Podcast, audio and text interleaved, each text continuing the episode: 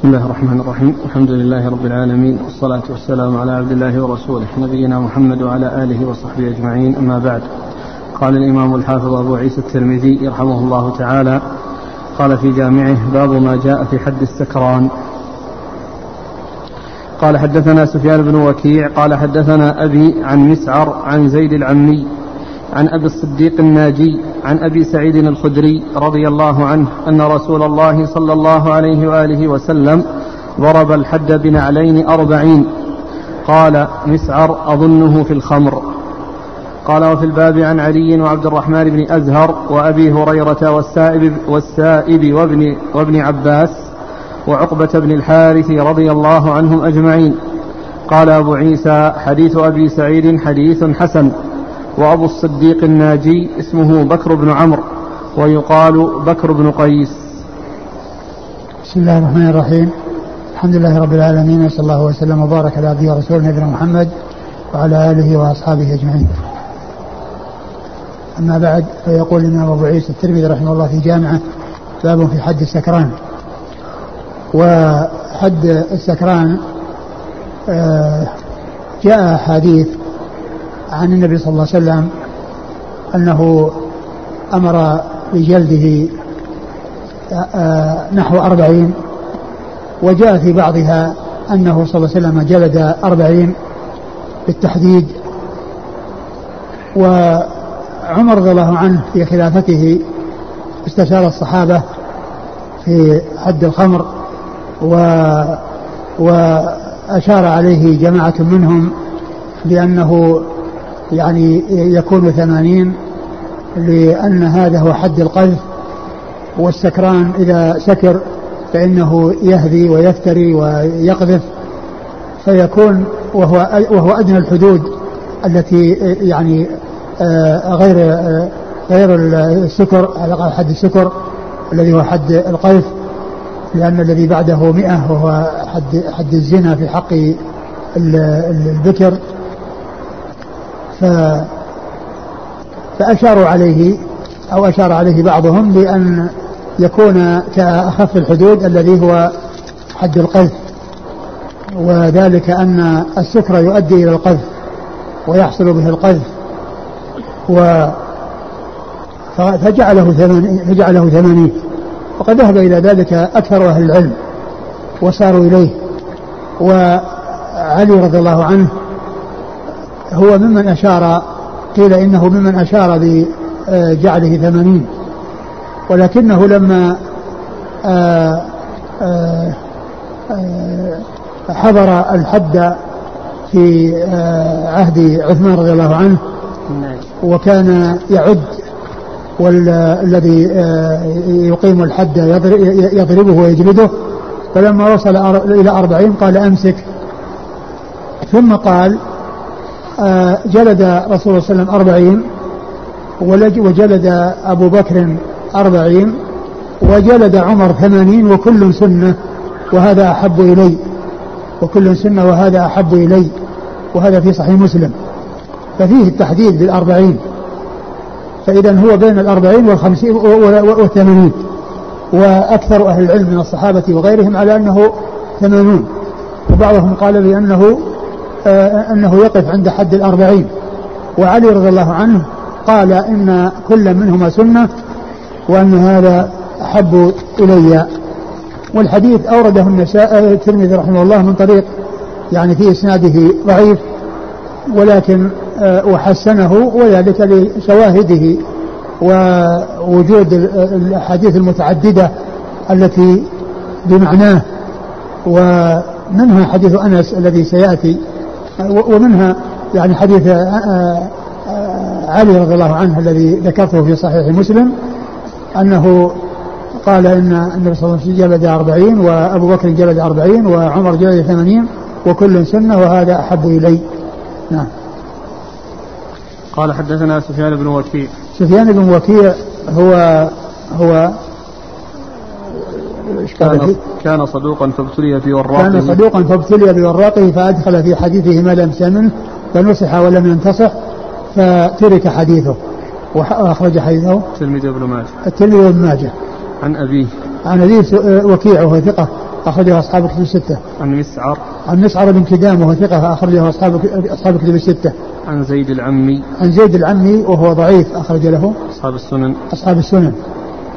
عن أبي الصديق عن أبي الصديق النا- الناجي وهو واسمه قال بكر بن عمرو بكر بن عمرو ويقال بكر بن قيس. نعم. آه ثقة أخرج له. أصحاب الكتب. أصحاب كتب الستة. عن أبي عن أبي سعيد سعيد الخدري سعد بن مالك بن سنان الخدري رضي الله تعالى عنه وهو من السبعة المكثرين من حديث رسول الله صلى الله عليه وسلم.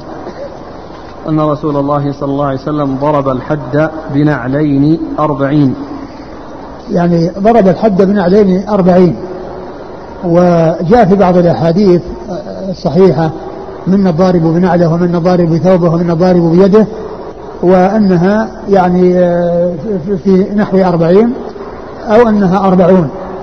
فإذا الضرب يعني ب يعني وسائل مختلفة وليس ب يعني صفة واحدة. قال من الضارب بنعله ومن الضارب بيده ومن الضارب ب- يعني ب بثوبه. نعم.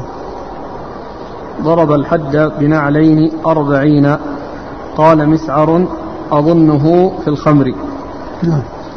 قال وفي الباب عن علي. علي رضي الله عنه الذي ذكرت أنه في صحيح مسلم وهو أمير المؤمنين ورا- ورابع الخلفاء الراشدين الهادين المهديين صاحب المناقب الجمة والفضائل الكثيرة وحديثه عند أصحاب الكتب الستة. وعبد الرحمن بن أزهر. وعبد الرحمن بن أزهر أخرج حديثه. أبو داود والنسائي. أبو داود والنسائي. وأبي هريرة. وأبو هريرة أكثر الصحابة حديثا. والسائب. والسائد بن يزيد أخرج حديثه اصحاب الكتب الستة. وابن عباس.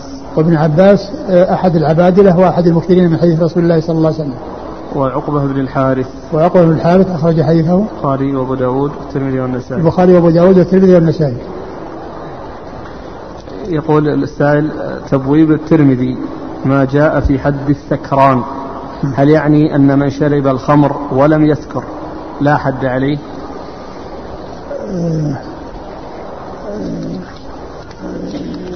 الرسول صلى الله عليه وسلم قال ما أسكر يعني ما أسكر آه، قليله فكثيره حرام. ما أسكر كثير ما أسكر كثيره فقليله حرام. يعني و و وقضية يعني كونه إذا إذا شرب يعني ما ليس شرب قليلا من المسكر وهو لم يسكر هل يجلد أو لا يجلد؟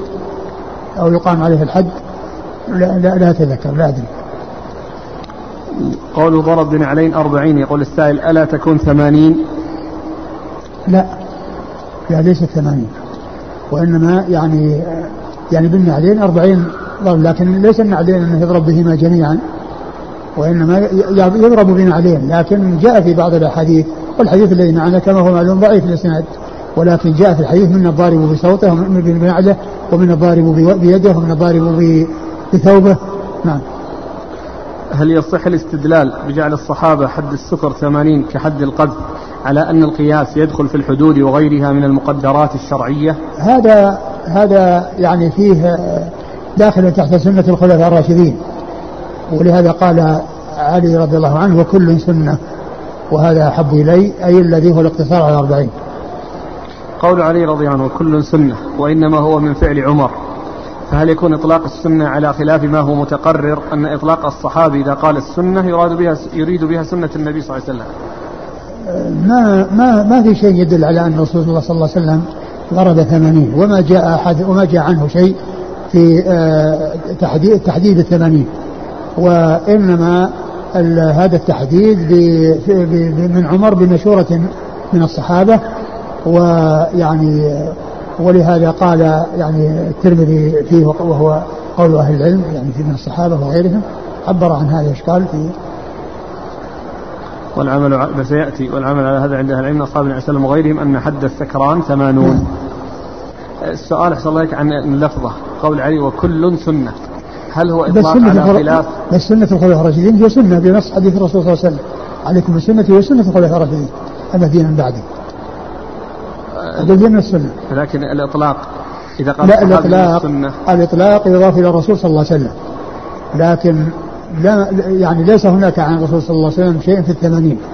وعلي رضي الله عنه وأرضاه ممن أشار بالثمانين و و وقال عن هذا الذي حصل من فعل عمر ومشورة الصحابة بأنه سنة أي أنه من سنة الخلفاء الراشدين. قال حدثنا محمد بن بشار قال حدثنا محمد بن جعفر قال حدثنا شعبة قال سمعت قتادة يحدث عن أنس رضي الله عنه عن النبي صلى الله عليه وعلى آله وسلم أنه أتي برجل قد شرب الخمر فضربه بجريدتين نحو الأربعين. وفعله أبو بكر رضي الله عنه. فلما كان عمر رضي الله عنه استشار الناس. فقال عبد الرحمن بن عوف رضي الله عنه كأخف الحدود ثمانين فأمر به عمر. قال أبو عيسى حديث أنس حديث حسن صحيح والعمل على هذا عند أهل العلم من أصحاب النبي صلى الله عليه وآله وسلم وغيرهم أن حد السكران ثمانون. ثم أورد أبو عيسى حديث أنس رضي الله عنه أن النبي صلى الله عليه وسلم أتي بشارب خمر ف يعني فجلد نحو من ثمانين نحو من أربعين. يعني هذا ليس في تحديد يعني وإنما هو تقريب. لأن قول نحو من كذا ليس له ضبط للعدد. لكن العدد جاء كما ذكرت في حديث علي رضي الله عنه وكذلك في غيره من الأحاديث. وأن وفيه أن عمر رضي الله عنه استشار الصحابة في الحد وأن عبد الرحمن بن عوف قال كأخف الحدود. يعني الذي التي وردت عن الرسول صلى الله عليه وسلم وفيها آه، تحديد حد حد قذف حد حد وحد القذف لأن الذي ورد في الجلد 80 ورد 100 وحد القذف 80 فهذا هو أخف الحدود فيلحق به حد الخمر. يلحق به حد الخمر نعم قال حدثنا محمد بن بشار محمد بن بشار ملقب من دار ثقة أخرجه أصحاب الكتب الستة. عن محمد بن جعفر محمد بن جعفر غندر ثقة أخرجه أصحاب الكتب الستة. عن شعبة عن شعبة بن الحجاج الواسطي ثم البصري ثقة أخرج له أصحاب الكتب الستة. عن قتادة قتادة بن دعامة السدوسي البصري ثقة أخرجه أصحاب الكتب الستة. عن أنس عن أنس رضي الله عنه خادم رسول الله صلى الله عليه وسلم وأحد السبعة المكثرين من حديث رسول الله صلى الله عليه وسلم. الإسناد وشو؟ محمد بشار عن محمد بن جعفر عن شعبة عن قتادة عن أنس. وهؤلاء كلهم بصريون. كلهم من أهل بصرة. يقول السائل أليس من شرط الحد ألا يضرب في مقتل أو ضربا مبرحا؟ ففي الضرب بالوسائل المختلفة كيف يتحقق ذلك؟ نعم وسائل مختلفة يعني ليس فيها يعني شيء يقتل. ويعني الشيء الضرب الشيء الذي يقتل ويؤدي إلى القتل وصاحبه لا يستحقه لا يجوز أن يفعل ولا يجوز ان أن يستعمل وإنما يستعمل شيء لا لا يعني يؤدي إلى القتل. يقول السائل حفظك الله كيف يكون حد الخمر من باب الحدود المقدرة ثم يقع الخلاف فيه بين الصحابة ثم ما معنى كون الضرب اختلف بين ضارب بيده وآخر بنعله؟ أليس هذا مما يرجح أنه تعزير وليس بحد؟ لا لا ليس بتعزير. ليس بتعزير بل هو حد. ولهذا يعني ولهذا يعني لما حصل من استمراء شرب الخمر وكونه يعني ما ردعهم يعني هذا المقدار الذي هو 40 رفعه عمر رضي الله عنه مشورة الصحابة. ثم أيضا الصحابة معروف عنهم أنهم يعني مثل ما قال الترمذي العمل عليه عند أهل العلم من أصحاب الرسول وغيرهم. من أصحاب الرسول صلى الله عليه وسلم وغيرهم أنهم يرون أنه يكون ثمانين هذا الذي وضعه عمر. وهو حد. يعني ولهذا آه، آه، لا يقال أن الخمر ليس لها حد. وأنها ليست من الأشياء التي لها عقوبات مقدرة. بل جاء التقدير بأربعين كما جاء عن علي رضي الله عنه وأيضا جاء عن عمر بموافقة الصحابة. الآن لو إنسان ضرب أربعين. والله إذا اجتهد أو إذا اجتهد يعني آه، آه، حاكم أو إمام وجلد مثل مثل ما جاء عن علي رضي الله عنه. يصير مثل ما جاء عن علي. هل يدخل في الخمر ما يوجد في هذه الأزمان من المخدرات؟ فهل يقام الحد فيها على متناوليها؟ المخدرات يعني كما هو معلوم يعني هي يعني خطورتها وضررها يعني أشد من الخمر لأن الخمر يعني آه، آه، يشرب ويسكر ويصحو ويعود بعد ذلك يعني كما كان وأما هذا يعني يهلك نفسه ويدمر نفسه ويصير مثل البهيمة يصير مثل البهيمة يعني ما له هم إلا يبحث عن عن يعني هذه المخدرات. التي أفسدت جسمه وأفسدت يعني صحته وبدنه. ولهذا يعني في هذا الزمان العلماء يعني في هذه البلاد يعني حكموا بالقتل تعزيرا لمن يعني يحصل منه يعني ترويج هذه المخدرات لما يعني يترتب عليها من الاضرار وضررها اشهر من ضرر الخمر. الخمر يعني يسكر له فترة ثم يصحو وبعد ذلك يعود كما كان ولكنه ما يحصل له الضرر الذي يحصل من المخدرات. قال رحمه الله تعالى باب ما جاء من شرب الخمر فاجلدوه ومن عاد في الرابعة فاقتلوه. قال حدثنا أبو كريب قال حدثنا أبو بكر بن عياش عن عاصم بن بهدلة عن أبي صالح عن معاوية رضي الله عنه أنه قال قال رسول الله صلى الله عليه وعلى آله وسلم من شرب الخمر فاجلدوه فإن عاد في الرابعة فاقتلوه. قال وفي الباب عن أبي هريرة والشريد وشرحبيل بن أوس وجرير وأبي وأبي أبي إيش؟ وأبي الرمد البلوي وعبد الله بن عمرو رضي الله عنهم أجمعين. انتهى.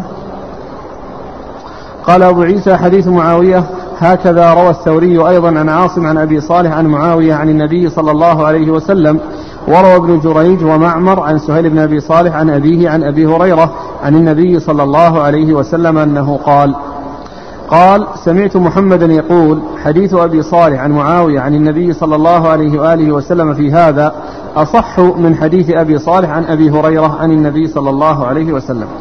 وإنما كان هذا في أول الأمر ثم نسخ بعد. هكذا روى محمد بن إسحاق عن محمد بن المنكدر عن جابر بن عبد الله رضي الله عنهما عن النبي صلى الله عليه وآله وسلم أنه قال إن من شرب الخمر فاجلدوه فإن عاد في الرابعة فاقتلوه. قال ثم أتي النبي صلى الله عليه وسلم بعد ذلك برجل قد شرب الخمر في الرابعة فضربه ولم يقتله. وكذلك روى الزهري عن قبيصة بن ذؤيب رضي الله عنه عن النبي صلى الله عليه وسلم نحو هذا. قال فرفع القتل وكانت رخصة. والعمل على هذا الحديث عند عامة أهل العلم. لا نعلم بينهم اختلافا في ذلك في القديم والحديث. ومما يقوي هذا ما روي عن النبي صلى الله عليه وآله وسلم من أوجه كثيرة أنه قال لا يحل دم امرئ مسلم يشهد أن لا إله إلا الله وأني رسول الله إلا بإحدى ثلاث النفس بالنفس والسيب الزاني والتارك لدينه. ثم أورد أبو عيسى رحمه الله باب في قتل شارب الخمر في قتل ما جاء من شرب الخمر فاجلدوه ومن عاد في الرابعة فاقتلوه. باب ما جاء من شرب الخمر فاجلدوه وإن عاد في الرابعة فاقتلوه. آه هذه الترجمة عقدها للحديث الذي ورد في ذلك عن رسول الله صلى الله عليه وسلم وهو صحيح وهو أن شارب الخمر يقتل في الرابعة. وقد آه وقد ذهب أكثر آه، آه، أهل العلم أو أكثرهم إلا القليل منهم إلى أنه لا يقتل شارب الخمر ولا يتكرر الشرب منه وإنما يعني يقام عليه الحد كلما حصل منه كلما حصل منه الشرب فإنه يقام عليه الحد وأما القتل فإنه لا يقتل. وقليل من أهل العلم رأوا أنه يقتل لما جاء في الحديث عن الرسول صلى الله عليه وسلم.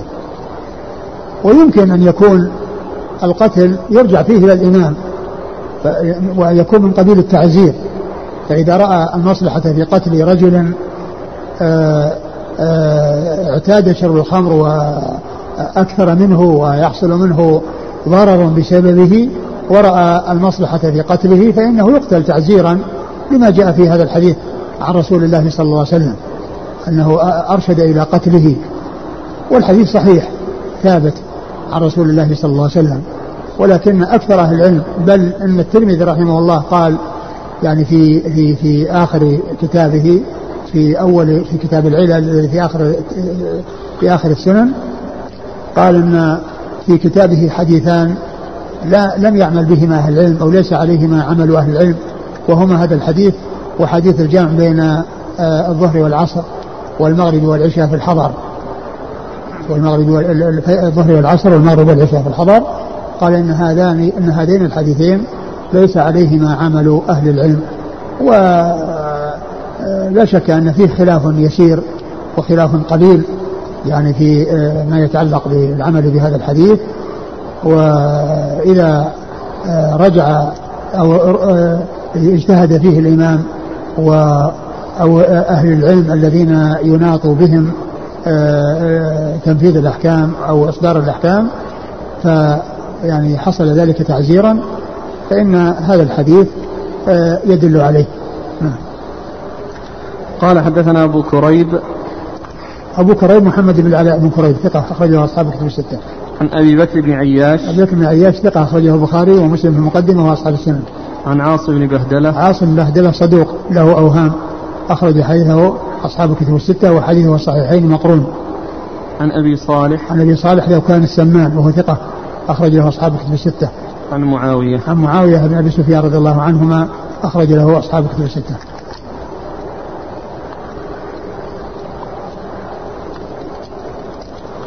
قال صلى الله عليه وسلم من شرب الخمر فاجلدوه فإن عاد في الرابعة فاقتلوه قال وفي الباب عن أبي هريرة والشريد الشريد هو صحابي أخرج البخاري في الأدب المفرد ومسلم وأبو داود والترمذي في الشمائل والنسائي وابن ماجه. أخرجه البخاري في الأدب المفرد ومسلم وأبو داود والترمذي في الشمائل والنسائي وابن ماجه. وشرحبيل بن أوس وجرير. شرحبيل بن أوس أخرج له. ما له. يعني ليس له رواية. و جرير. وجرير بن عبد الله البجري أخرجه أصحاب في الستة.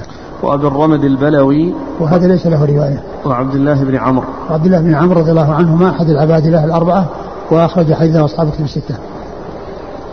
قال حديث معاوية هكذا روى الثوري أيضا الثوري سفيان بن سعيد بن مسروق الثوري ثقة أخرج له أصحاب في الستة عن عاصم عن أبي صالح عن معاوية عن النبي صلى الله عليه وسلم وروى ابن جريج عبد الملك بن عبد العزيز بن جريج ثقة أخرجه أصحاب كتب الستة. ومعمر معمر بن راشد الأزدي البصري ثقة أخرجه أصحاب كتب الستة. عن سهيل بن أبي صالح. سهيل بن أبي صالح صدوق أخرجه أصحاب كتب الستة. عن أبيه عن أبي هريرة. نعم مر ذكرهما.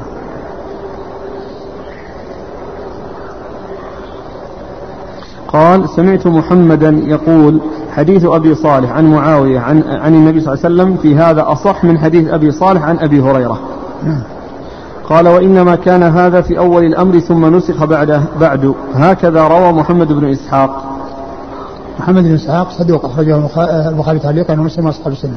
عن محمد بن المنكدر محمد بن المنكدر ثقة أخرجه أصحاب في الستة. عن جابر بن عبد الله. جابر بن عبد الله رضي الله عنهما أحد المكثرين من حديث رسول الله صلى الله عليه وسلم. قال صلى الله عليه وسلم إن من شرب الخمر فاجلدوه فإن عاد في الرابعة فاقتلوه ثم أتي النبي صلى الله عليه وسلم بعد ذلك برجل قد شرب الخمر في الرابعة فضربه ولم يقتله. وكذلك روى الزهري عن قبيصة بن ذؤيب. آه، الزهري محمد بن مسلم بن عبيد الله ثقة أخرج أصحابه في الستة. وقبيصة بن ذؤيب أخرج له. أصحاب الكتب. أصحاب الكتب.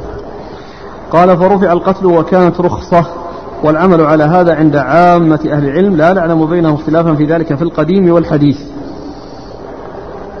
نعم الشرح ذكر يعني يعني أنه قال به شردنة من العلماء وذكر من بينهم يعني من ما أدري ذكر الشارح يعني آه، منهم ابن حزم أظنه وأظن قبله بعد.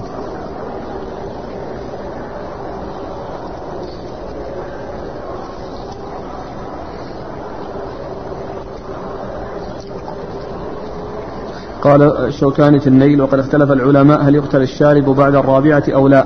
فذهب بعض أهل الظاهر إلى أنه يقتل ونصره ابن حزم واحتج له ودفع دعوى الإجماع على عدم القتل. وهذا هو ظاهر ما في الباب عن ابن عمرو. وذهب الجمهور إلى أنه لا يقتل الشارب وأن القتل منسوخ. ظاهر الشيخ أحمد شاكر له. الشيخ أحمد شاكر نعم أحمد شاكر له رسالة خاصة في هذا اسمها القول الفصل. في حد مدن الخمر وكذلك أيضا في آه، في في المسند في تحقيق المسند له كلام في كثير في هذا وحقق الحديث وأثبته. نعم. ونصر الشيخ الشيخ الألباني. والألباني ذكر هذا وأشار إليه في السلسلة وقال أنه يعني أنه يعني إذا كان من قبيل التعزير فله وجه. قال له رسالة صغيرة أبي أحمد شاكر مطبوعة بهذا العنوان. أقول الفصل في حد مدمن الخمر أو في في قتل مدمن الخمر. يقول آه، ومما يقوي هذا ما روي عن النبي صلى الله عليه وسلم من أوجه كثيرة أنه قال لا يحل دم امرئ مسلم يشهد أن لا إله إلا الله وأني رسول الله إلا بإحدى ثلاث النفس بالنفس والسيب الزاني والتارك لدينه. نعم. مع أنه يقتل في غير هذه الأشياء. إيه لغيره لكن هو يعني أجاء أتى بها على أنه لا يقتل لأنه ليس منها. وجه الاستدلال أنه ليس يعني من هذه الثلاث. لكن لو أتينا بغير المسألة المفروضة يعني بمسألة يقتل فيها في غير مسألة شرب الخمر. سيوافق حتى الترمذي أن هذه ليس حصر نعم يعني نعم هذا حصر نسبي كأنه نعم. وحصر نسبي؟ إيش؟ الحصر. نعم نسبي. يعني الحصر إضافي نسبي. حصر إضافي. نعم. آه الحديث يقول من شرب الخمر وقبله أتي برجل قد شرب الخمر. يقول الإخوة أليس فيه جواب على السؤال السابق؟ أنه ما ذكر قضية السكر. من شرب؟ هل يؤخذ من عموم اللفظ؟ بس الكلام على يعني آه يعني مجرد الشرب إذا كان يسيرا لأنه يعني بعض المسألة فيها خلاف بين العلم في بعض علماء الكوفة. بعض أهل الكوفة يقولون أن أن يعني آه، غير عصير العنب إذا شرب منه قليل الذي لا يسكر فإنه لا بأس به. وهذا مردود يعني رده العلماء وبينوا فساده وأن ذلك حرام. وأنه لا يجوز. وفي ذلك يعني آثار عن العلماء في هذا. فقضية الشرب يعني في بعض أنواع آه، آه، غير العنب يعني إذا كان لا يسكر أجازه يعني بعض أهل العلم من الكوفة. ولكنه غلط لأن عموم قوله صلى الله عليه وسلم ما أسكر كثيره فقليله حرام يدل على أنه لا يجوز من أي من أي آه، نوع آه، كان هذا آه، هذا الشراب الذي يعني يسكر كثيره ولا يسكر قليله وأن وأنه حرام بهذه القاعدة العامة التي قالها صلى الله عليه وسلم ما أسكر كثيره فقليله حرام نعم. يقول السائل جاء في صحيح البخاري أن أحد الصحابة رضي الله عنه كان كثيرا ما يؤتى به إلى النبي صلى الله عليه وسلم ليقيم عليه الحد في الخمر ومع ذلك لم يقتله آه، آه، كلمة كثيرا هذه. يمكن أن تكون لأنها ما وصلت الأربع ويمكن أن تكون تجاوزت الأربع أيضا ولكن آه هذا الحديث الذي ورد صحيح. وإذا أخذ به على سبيل التعزير عندما يكون آه آه بعض الناس الذي آه لا ينتهي من شرب الخمر ويكثر ويفسد بسبب شربه وتخلص منه على سبيل التعزير فإن ذلك لا بأس به. قال رحمه الله تعالى باب ما جاء في كم تقطع يد السارق. قال حدثنا علي بن حجر قال حدثنا سفيان بن عيينة عن الزهري أنها أخبرته عمرة عن عائشة رضي الله عنها أن النبي صلى الله عليه وآله وسلم كان يقطع في ربع دينار فصاعدا. قال أبو عيسى حديث عائشة حديث حسن صحيح. وقد روي هذا الحديث من غير وجه عن عمرة عن عائشة مرفوعا ورواه بعضهم عن عمرة عن عائشة موقوفا. قال حدثنا قتيبة قال حدثنا الليث عن نافع عن ابن عمر رضي الله عنهما أنه قال قطع رسول الله صلى الله عليه وآله وسلم في مجن قيمته ثلاثة دراهم. قال وفي الباب عن سعد وعبد الله بن عمر عن عبد الله بن عمرو وابن عباس وأبي هريرة وأيمن. رضي الله عنهم قال أبو عيسى حديث ابن عمر حديث حسن صحيح والعمل على هذا عند بعض أهل العلم من أصحاب النبي صلى الله عليه وآله وسلم. منهم أبو بكر الصديق رضي الله عنه قطع في خمسة دراهم. وروي عن عثمان وعلي رضي الله عنهما أنهما قطعا في ربع دينار. وروي عن أبي هريرة وأبي سعيد رضي الله عنهما أنهما قال تقطع اليد في خمسة دراهم.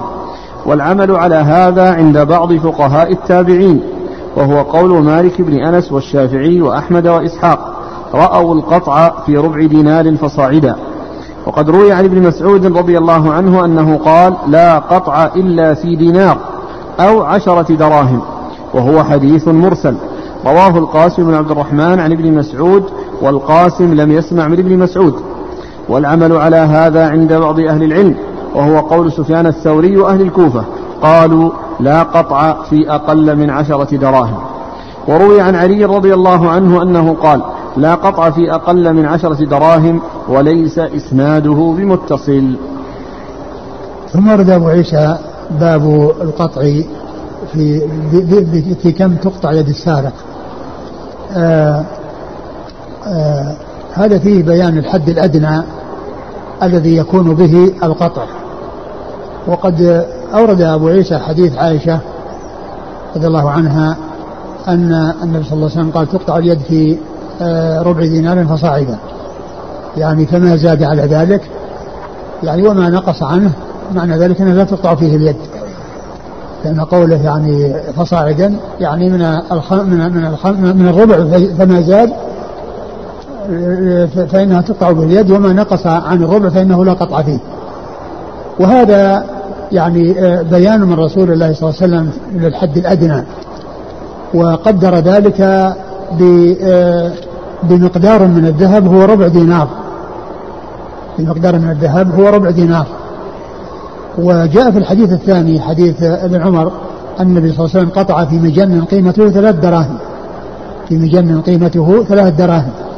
يعني معناه أنه قوم بثلاثة دراهم والدراهم قد تكون ربع دينار وقد تكون أكثر من ذلك.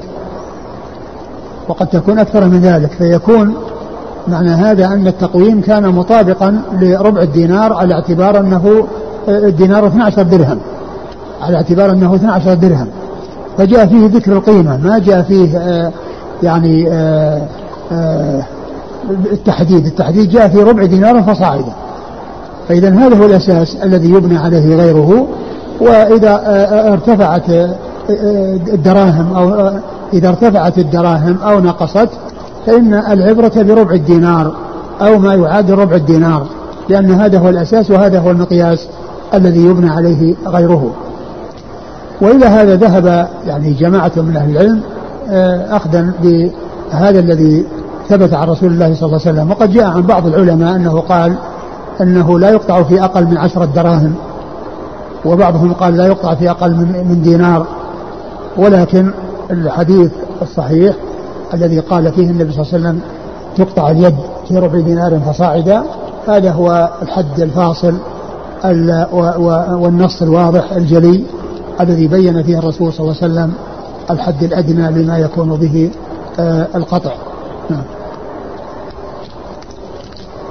قال حدثنا علي بن حجر علي بن حجر بن إياس السعدي ثقة أخرجه البخاري ومسلم والترمذي والنسائي. عن سفيان بن عيينة سفيان بن عيينة المكي ثقة أخرجه أصحاب كتب الستة. عن الزهري عن عمرة عمرة بنت عبد الرحمن ثقة اخرجها أصحاب كتب الستة. عن عائشة أم المؤمنين رضي الله عنها وأرضاها وهي ممن أكثر الروايه عن رسول الله صلى الله عليه وسلم. قال حدثنا قتيبة قتيبة بن سعيد ثقة أخرجه أصحاب كتب الستة. عن الليث الليث بن سعد ثقة أخرجه أصحاب كتب الستة. عن نافع نافع مولى بن عمر وهو ثقة أخرجه أصحاب الستة. عن ابن عمر. عن ابن عمر رضي الله عنهما وقد مر ذكره وهذا رباعي من أعلى الأسانيد عند الترمذي. وفي الباب عن سعد سعد بن أبي وقاص أخرجه أصحاب الكتب الستة. وعبد الله بن عمرو وابن عباس وأبي هريرة وأيمن. أيمن أخرج له النسائي. أيمن بن ذكره هكذا. أيمن أيمن في السرقة أخرج له النسائي. أخرج له النسائي. قال أبو عيسى منهم. قال أبو عيسى والعمل على هذا عند بعض أهل العلم أصحاب النبي صلى الله عليه وسلم منهم أبو بكر الصديق. قطع في خمسة دراهم. وروي عن عثمان وعلي أنهما قطعا في ربع دينار. وروي عن أبي هريرة وأبي سعيد أنهما قال تقطع اليد في خمسة دراهم. يعني هذا يعني كما هو معلوم يعني يرجع إلى التقويم. يعني أنه من ربع دينار فما, فما, فما, فما فوقه. لكن يعني مثلا أبو بكر قطع في خمسة دراهم لا يمنع من القطع يعني أنه ما أقل لا يقطع فيه. لا ما يمنع ما يمنع ما يمنع لأنها لأن حادثة حدثت أي نعم قضية, واقعة معينة. قال والعمل على هذا عند بعض فقهاء التابعين وهو قول مالك بن أنس والشافعي وأحمد وإسحاق رأوا القطع في ربع دينار فصاعدا. وقد روي عن ابن مسعود أنه قال لا قطع إلا في دينار أو عشرة دراهم. وهو حديث مرسل رواه القاسم بن عبد الرحمن يعني إنه مرسل يعني منقطع لأنه لم يعني يعني ليس له رواية عن آه، أو ليس له سماع أو يعني من ابن مسعود قاسم بن عبد الرحمن ثقة أخرج البخاري وأصحاب السنن. قاسم بن عبد الرحمن ثقة أخرجه البخاري وأصحاب السنن. عن ابن مسعود والقاسم لم يسمع من ابن مسعود. وابن مسعود الهذلي عبد الله بن مسعود الهذلي أخرج له أصحاب الكتب الستة.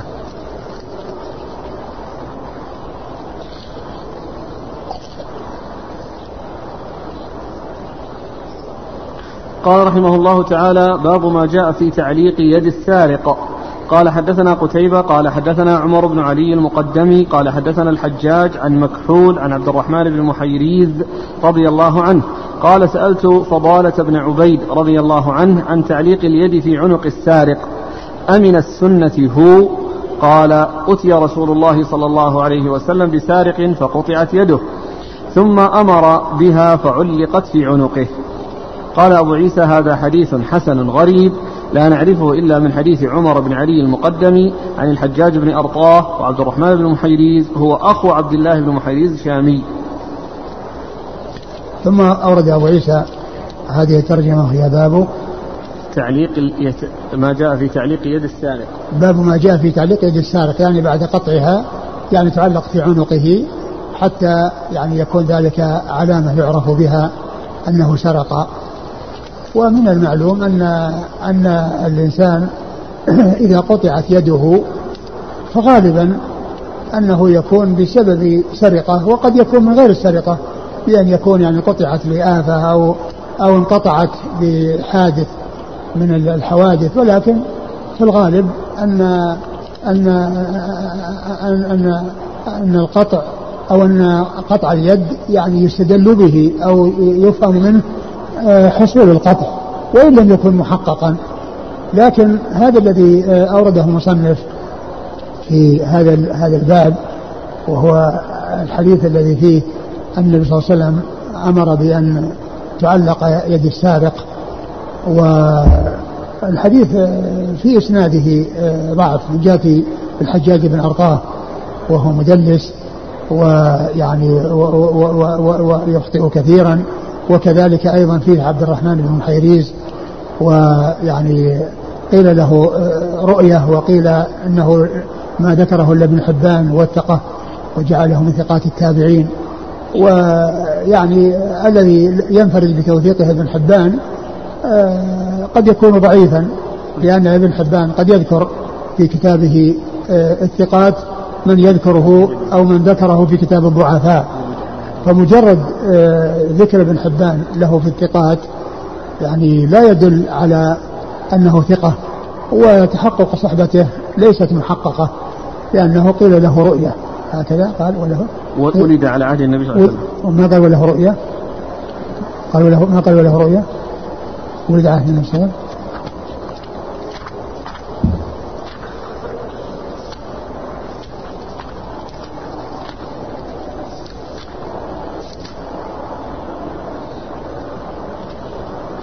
قيل ولد على عهد النبي صلى الله عليه وسلم وذكر ابن حبان في ثقات التابعين. إيه، يعني ما حتى ما نص على أنه له رؤيا ومن المعلوم أن الولادة في عهد النبي صلى الله عليه وسلم لا تعني أو لا تدل على الصحبة لأنه قد يولد ولا يرى النبي صلى الله عليه وسلم ولا يراه. وقد يكون في زمنه ومولودا في زمانه. والمخضرمون الذين آه، يأتي ذكرهم في الاسانيد كانوا مولودين في حياة النبي صلى الله عليه وسلم بل فيهم من يكون كبيرا في حياة النبي صلى الله عليه وسلم ولكنه ما رآه. نعم. فالحديث يعني آه، فيه هاتان العلتان. نعم. قال حدثنا قتيبة عن عمر بن علي المقدمي. هو؟ ثقة أخرج أصحاب الكتب.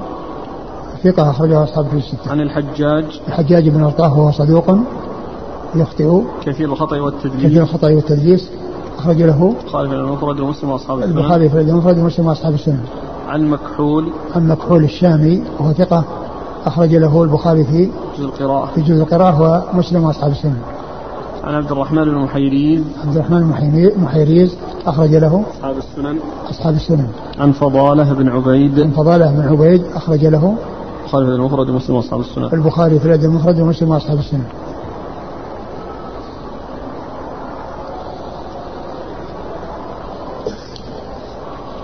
يقول السائل هل يجوز إذا قطعت يد السارق في هذا العصر أن يعيد تركيبها؟ لا ما يجوز. لأنه إذا أعيد تركيبها يعني معناه كأن القطع ما وجد. بل لا يعطى إياها ولا يمكن منها.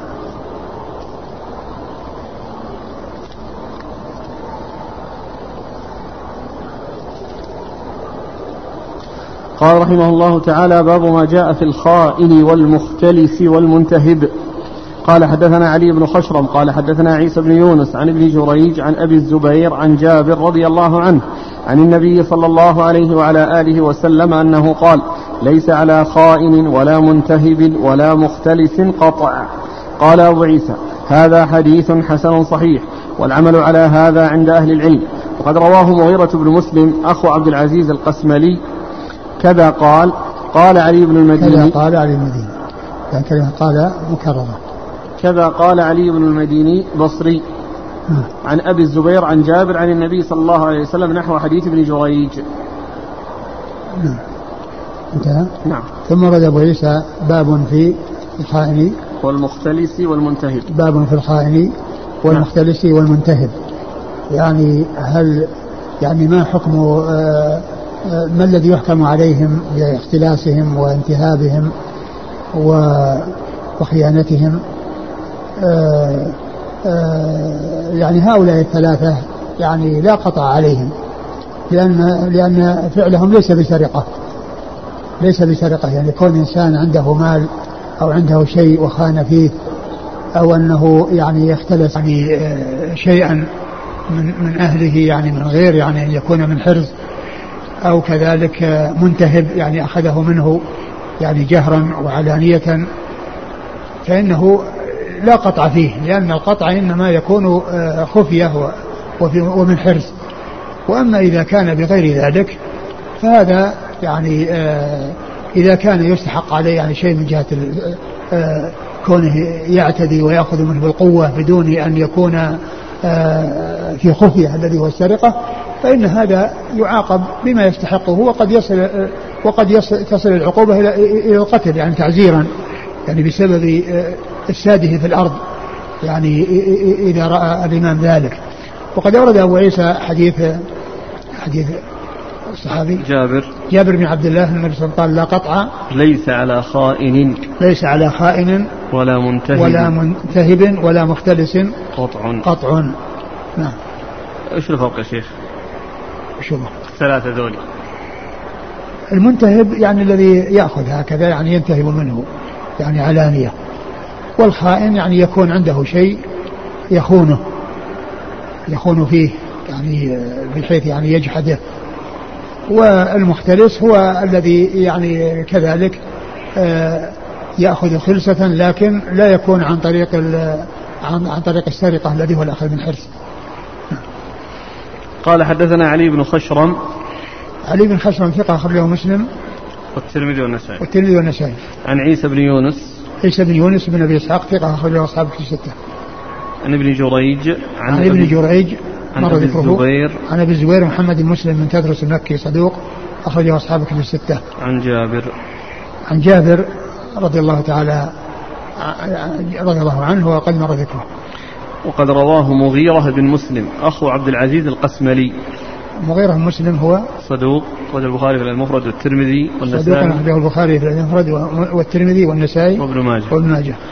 أخو عبد العزيز القسملي كذا قال علي بن المديني بصري نعم. عن أبي الزبير عن جابر عن النبي صلى الله عليه وسلم نحو حديث ابن جريج نعم هذا في في النسخة تقديم وتأخير ولا في النسخ الأخرى يعني فيها يعني الأمر أوضح من هذا وليس فيه ذكر تكرار في كلمة قال هذه اللي جاءت هنا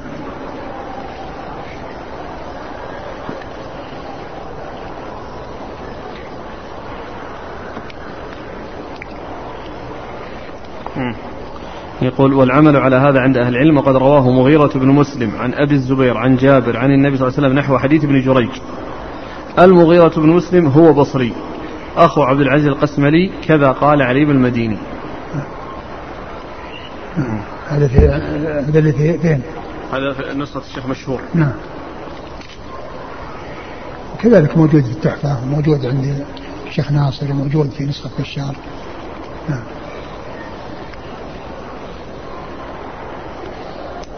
يقول السائل هل تقطع يد السارق إذا سرق المال من جيوب الناس مثل ما يحصل في الطواف؟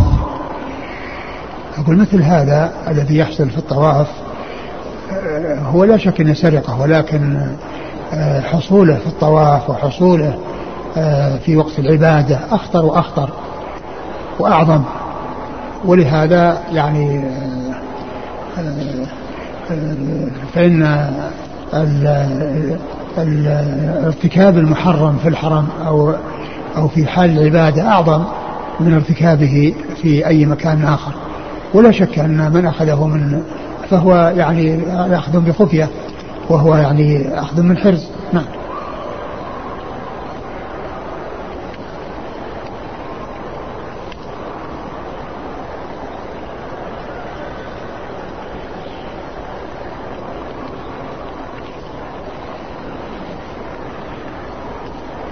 يقول ما هو الشرط في قطع يد السارق؟ كيف تكون نوعية السرقة؟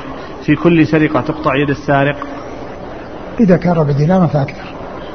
إذا كان من حرز وأكثر من ربع دينار. يعني مثلا من الأسئلة التي وصلت من يسرق السيارة؟ سيارة في الشارع وسرقت. هل هذا توفرت فيها الشروط أو يقال أنها ليست من حرزها؟ ليست لا. في حرزها. لا ليست في حرز. يعني وش تعاقب. لا لا يعزر عند القاضي لكن الآن الوضع يعني بس ما قال الشارع ما هو بحرز يعني لابد تكون في مواقف خاصة أو في داخل يعني البيت. يكون في بيت أو في مستودع أو في مخزن.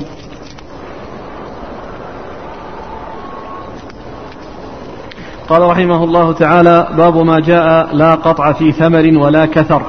قال حدثنا قتيبة قال حدثنا الليث عن يحيى بن سعيد عن محمد بن يحيى بن حبان عن عمه واسع بن حبان رضي الله عنهما.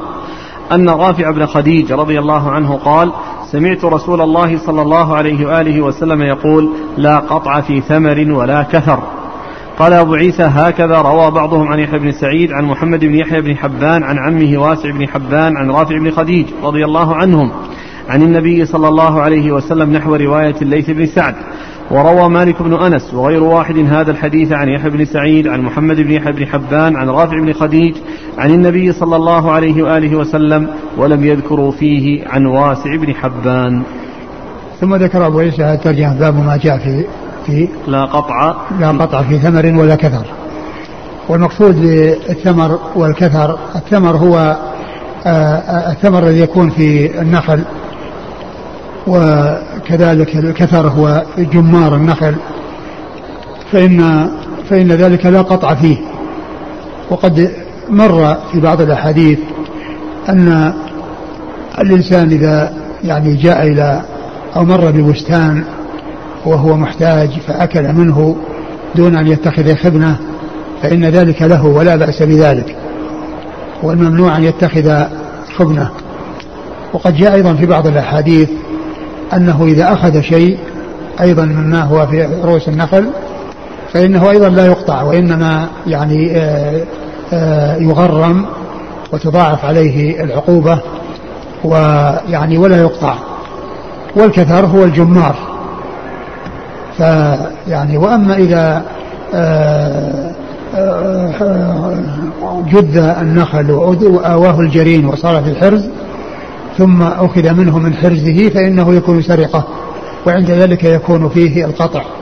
وأما ما كان ما دام على رؤوس النخل فإنه لا قطع فيه. ومن كان محتاجا إلى ذلك ومر به وأكل منه فإنه مأذون له في ذلك. نعم. قال حدثنا قتيبة عن الليث نعم. عن يحيى بن سعيد. يحيى بن سعيد الأنصاري ثقة أخرجه أصحاب الكتب الستة. عن محمد بن يحيى بن حبان محمد بن يحيى بن حبان ثقة أخرج أصحاب الكتب الستة. عن عمه واسع بن حبان. أخرج له أصحاب الكتب. أصحاب الكتب. الرافع بن خديج. الرافع بن خديج أخرج أصحاب الكتب الستة. قال هكذا روى بعضهم عن يحيى بن سعيد عن محمد بن يحيى بن حبان عن عمه واسع بن حبان عن رافع بن خديج نحو رواية الليث وروى مالك بن أنس وغير واحد هذا الحديث. عن يحيى بن سعيد عن محمد بن يحيى بن حبان عن رافع بن خديج. لم نعم. يذكروا فيه عن واسع بن حبان. نعم.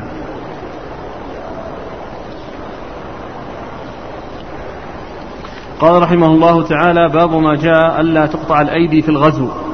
قال حدثنا قتيبة قال حدثنا ابن لهيعة عن عياش بن عب بن عباس المصري. عياش بن عباس. عياش بن عباس المصري. المصري. نعم. عندك البصري؟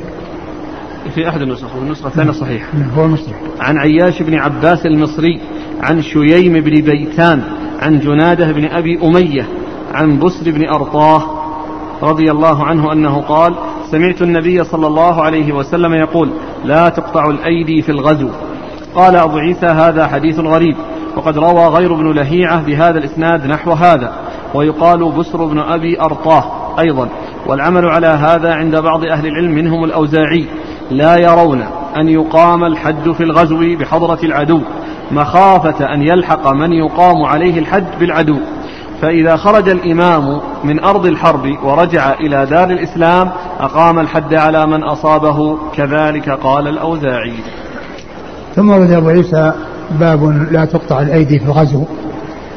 وأي أنه يؤخر إقامة الحد يعني لا يعني يترك لا يترك إقامة إقامة الحد وإنما يؤخر تؤخر إقامته إلى إلى إلى ما بعد ذلك حيث يكون في أرض المسلمين ولا يترتب ولا ولا يترتب على ذلك مضرة بحيث لا أقيم يعني في في أرض العدو في حال الحرب لأن هذا قد يؤدي إلى أن الذي أقيم عليه الحد يلحق بالكفار. أورد أبو عيسى حديث بشر بن عرطات رضي الله عنه أن النبي صلى الله عليه وسلم قال لا تقطع الأيدي في الغزو. في الغزو. لا تقطع الأيدي في الغزو. والمعنى أنه آه، كما ذكرت يعني يؤخر التنفيذ ولا يترك بل يقام الحد في غير هذا الوقت يعني حيث ينصرف المسلمون من أرض الكفار ويكونون في أرض الإسلام. فإنهم عند ذلك يقيمون الحد وهذا من أجل هذه المصلحة التي يخشى أن تترتب آه، من هذه المصلحة وخشي المفسدة التي تترتب على ما لو قطع آه، في أرض العدو فلحق بهم. أحسن أي حد ولا خاص بالسرقة آه، معلوم أن يعني هنا هنا قد لا تقطع الأيدي في الغزو. لا تقطع الأيدي في الغزو. و وأما مسألة الجلد وما إلى ذلك فإنه إذا أخر أيضا يعني لأن المحذور الذي يكون في السرقة أيضا قد يكون في آه، الشيء الذي هو يعني جلد. وأما مسألة القتل إذا كان الحق الحكم القتل فإنه المحذور الذي هو كونه يلحق يعني لا يعني ليس له لا ليس له مجال وإنما المجال يعني في مسألة الجلد فإذا قيس أو إذا قيل بالقياس يعني هذا على هذا من أجل المصلحة فهو فله وجه. نعم. قال حدثنا قتيبة عن ابن لهيعة. آه ابن لهيعة هو عبد الله بن لهيعة وهو آه وهو صدوق, صدوق. نعم. صدوق. اختلط لما اختلط اختلط ف, ف آه لما احترقت كتبه وما كان مسموعا منه قبل الاختلاط فإنه معتبر وما كان بعده غير معتبر وقتيبة ممن سمع منه قبل الاختلاط نعم. عن عياش بن عباس المصري عياش بن عباس المصري هو ثقة أخرجه البخاري في القراءة ومسلم وأصحاب السنن. ثقة أخرجه البخاري في القراءة ومسلم وأصحاب السنن. عن شييم بن بيتان. شييم بن بيتان هو ثقة أخرج له. أبو داود الترمذي والنسائي. أبو داود الترمذي والنسائي. عن جنادة بن أبي أمية. عن جنادة بن أبي أمية وهو ثقة أخرجه أصحاب الكتب. ثقة أخرجه أصحاب أصحاب الكتب الستة. عن بسر بن أرطاه. بسر بن أرطاه أخرج له. أبو داود والترمذي والنسائي. أبو داود والترمذي والنسائي.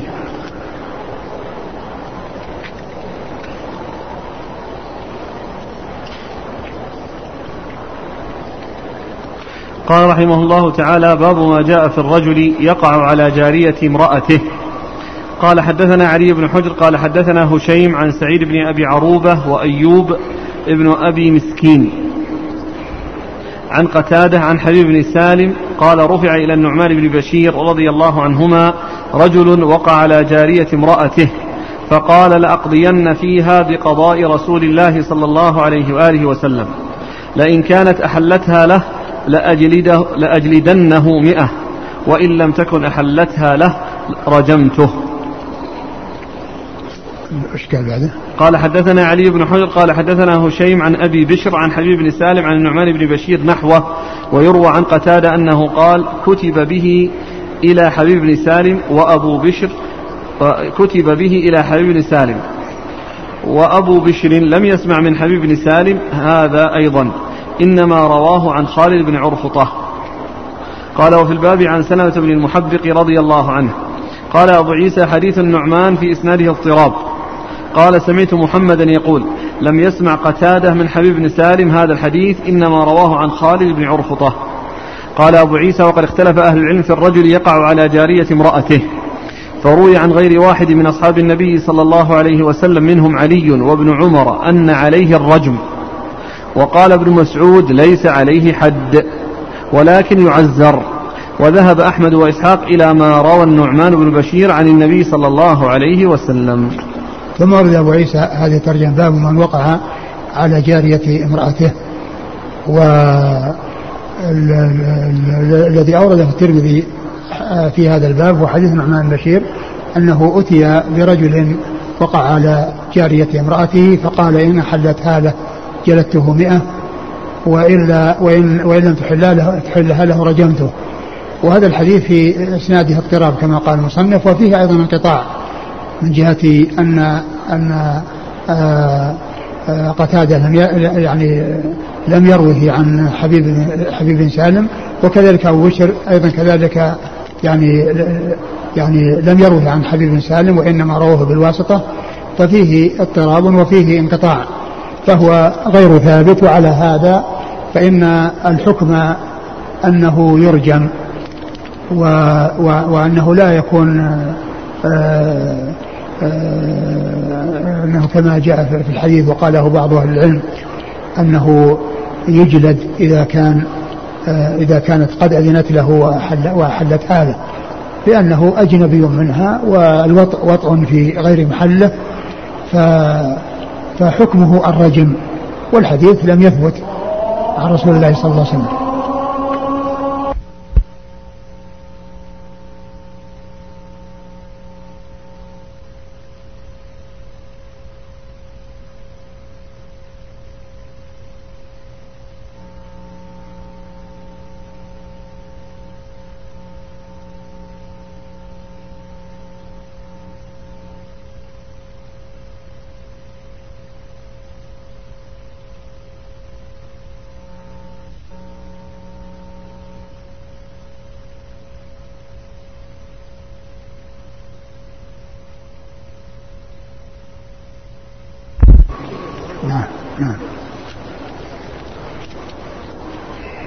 إذا حكم المسألة يا شيخ؟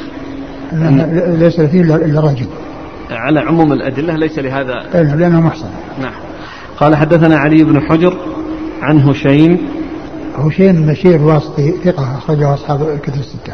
عن سعيد بن أبي عروبة. سعيد بن أبي عروبة ثقة أخرجه أصحاب الكتب الستة. وأيوب بن مسكين. وأيوب مسكين هو صدوق له أوهام. صدوق له أوهام أخرج له. أبو داود الترمذي النسائي. أبو داود الترمذي النسائي. عن قتادة. قتادة من دعامة السديسي البصري ثقة أخرجه أصحاب الكتب الستة. عن حبيب بن سالم. حبيب بن سالم هو لا بأس به لا بأس به أخرج له مسلم وأصحاب السنن مسلم وأصحاب السنن عن النعمان بن بشير النعمان بن بشير رضي الله عنهما أخرج له أصحاب الكتب الستة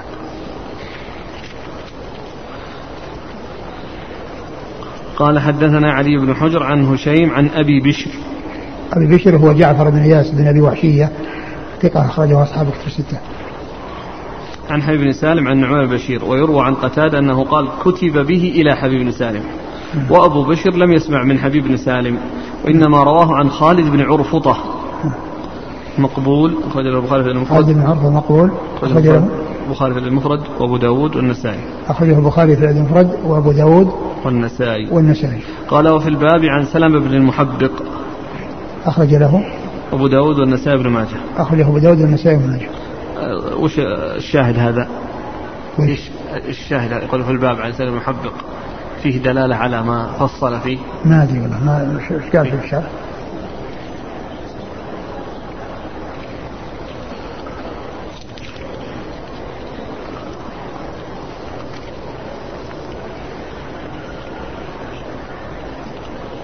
قال وأخرج حديثه أبو داود والنسائي أن الرسول صلى الله عليه وسلم قضى في رجل وقع على جارية امرأته إن كان استكرهها فهي حرة وعليه لسيدتها مثلها. وإن يعني كانت يختلف. ها؟ يختلف الحكم. وإن كانت طاوعته فهي له وعليه لسيدتها مثلها. قال النسائي. لكنه ضعيف نعم. نعم قال النسائي لا تصح هذه الأحاديث نعم. وقال البيهقي قبيصة بن حريث يعني الذي روى هذا الحديث عن سلمة بن حبق غير معروف. وروينا عن أبي داود أنه قال سمعت أحمد الحنبل يقول رواه عن سلمة بن المحبق شيخ لا يعرف لا يحدث عنه غير الحسن يعني قبيصة بن حريث. وقال البخاري في التاريخ قبيصة بن حريث سمع سلمة بن المحبق في حديثه نظر. وقال ابن المنذر لا يثبت خبر سلمة بن المحبق وقال الخطابي هذا حديث منكر. وقبيصة بن حريث غير معروف والحجة لا تقوم بمثله وكان الحسن لا يبالي أن يروي الحديث ممن سمع. وقال بعضهم هذا كان قبل الحدود. كذا في النيل.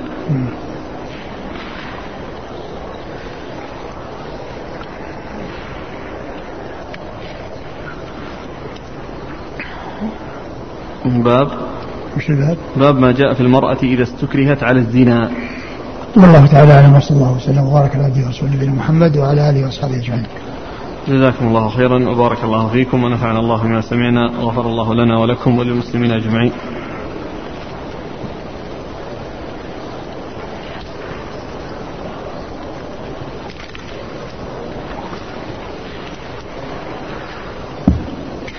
يقول أحسن الله إليك ذكرتم آه، حكم مروج المخدرات وأنه يقتل تعزيرا السؤال عن حكم متعاطيها ما حكمه؟ المتعاطي لا يقتل لأنه يعني وقع في يعني في في في بلاء ويعني يعالج حتى يتخلص لكن الذي يفسد في الأرض ويعني يأتي بهذا البلاء للناس ويغريهم به أو يعطيهم إياه هذا هو الذي يستحق يعني مثل هذه العقوبة. يقول من سكر وفي حال سكره قذف فهل يقام عليه حد حد الخمر وحد القذف كذلك؟ لا ما يقام عليه لأنه غير عاقل يقول هل تقطع الأيدي في سرقة الأشياء المحرمة كالدشوش؟ فإنها تسرق عندنا كثيرا. لا ما ما تقطع فيها الأيدي. أقول ما تقطع فيها الأيدي يعني سرقة المحرم لا تقطع بالايدي وهذا يجب إتلافه وليس بمال محترم. نعم.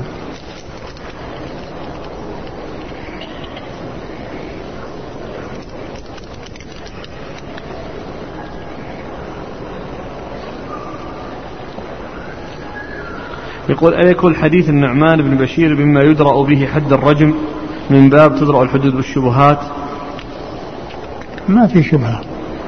أقول ليس فيه شبهة لأنها أجنبية منه.